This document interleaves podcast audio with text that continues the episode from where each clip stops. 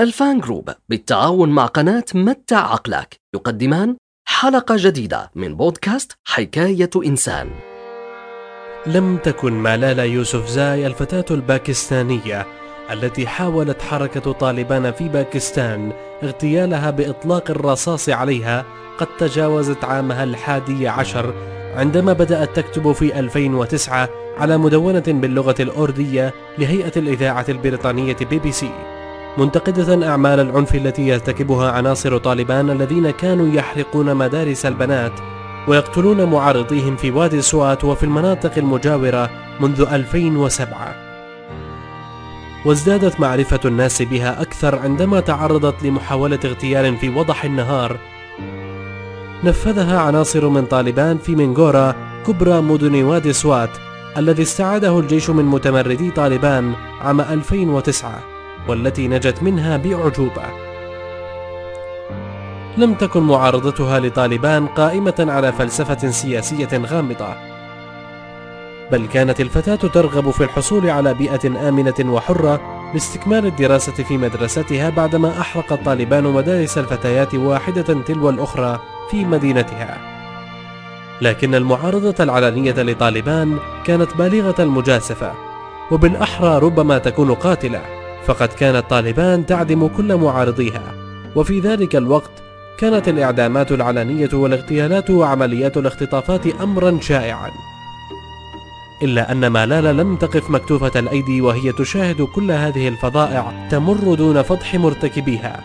وكان حرمان الفتيات من التعليم هو الموضوع الأكثر هيمنة على تدويناتها. حتى ذلك الوقت كانت ملالا تخفي شخصيتها الحقيقية كمدونة وناشطة اجتماعية. لكن سرعان ما طهر الجيش الباكستاني مدينة سوات من طالبان. وكشف الإعلام الباكستاني في أخباره عن الشخصية الحقيقية لهذه المدونة الصغيرة.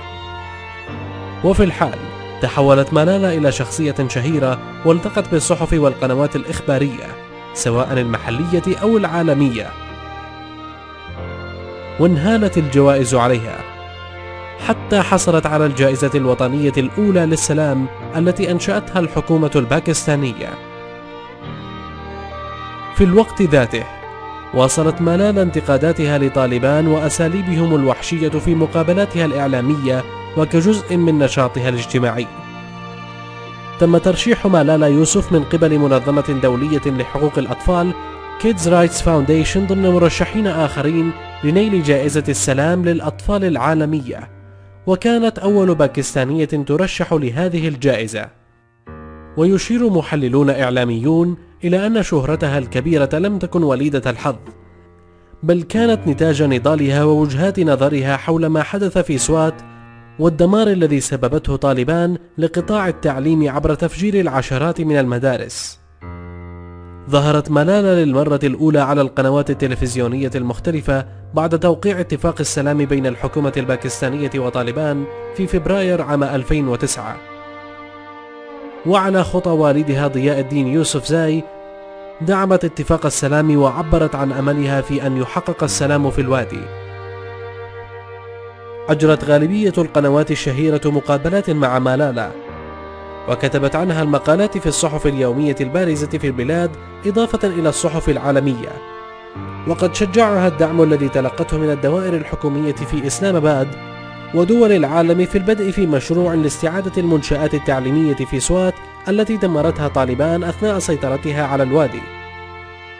وقالت مالالا في مقابلة تلفزيونية قبل عام تقريبا دمرت ما يزيد على 400 مدرسة بشكل كامل على يد المقاتلين وأنا أود العمل من أجل إعادة بناء المدارس المدمرة.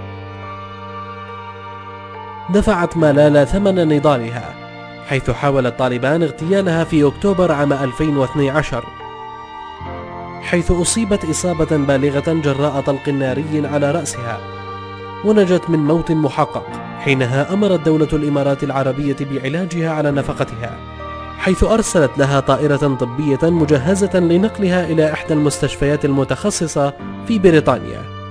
وقتها ذكرت التقارير الصحفية أن باكستان رتبت مع الإمارات العربية لنقل مالالا إلى طائرة طبية مجهزة إلى بريطانيا ليتم علاجها في أحد المستشفيات المتخصصة. كما عرضت إسلام آباد وقتها جائزة تزيد على مئة ألف دولار للقبض على الجناه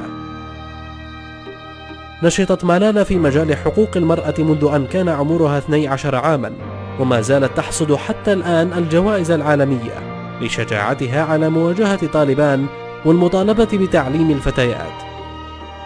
فحصلت مالالا على جائزة رو أنوور وهي جائزة تأسست تكريما لقتل الصحفية الروسية رون أنوور والتي قتلت عام 2006 لمكافأة النساء اللواتي يدافعن عن حقوق الضحايا في مناطق النزاعات. كما حصلت الفتاة الباكستانية الصغيرة على العديد من الجوائز والمكافآت الدولية. منها جائزة منظمة العفو الدولية. وذكرت منظمة حقوق الطفل الهولندية كيدز رايتس أن مالالا التي كرمت في قاعة الفرسان في البرلمان الهولندي خاطرت بحياتها من أجل حصول الفتيات على التعليم في جميع أنحاء العالم. وعقب الإعلان عن فوز مالالا بجائزة نوبل لسلام الأطفال بساعات تلقت تهديدات بالقتل من قبل فصيل منشق عن حركة طالبان. وتصدرت صورة مالالا غلاف مجلة التايمز الأمريكية جنبا إلى جنب مع ابنتي الرئيس الأمريكي أوباما باعتبارهم المراهقين الأكثر تأثيرا في العالم. مالالا عرفها العالم من خلال كتاب ألفته بمشاركة الصحفية البريطانية كريستينا لامب عن طالبان وما يقترفوه من جرائم في حق المرأة الباكستانية. الأمر الذي جعل السلطات الباكستانية تحذر فيه المدارس الخاصة من شراء كتابها باعتباره محرضا على باكستان والإسلام. مالالا التي نمت وترعرعت على أسرة تحترم العلم والتعليم.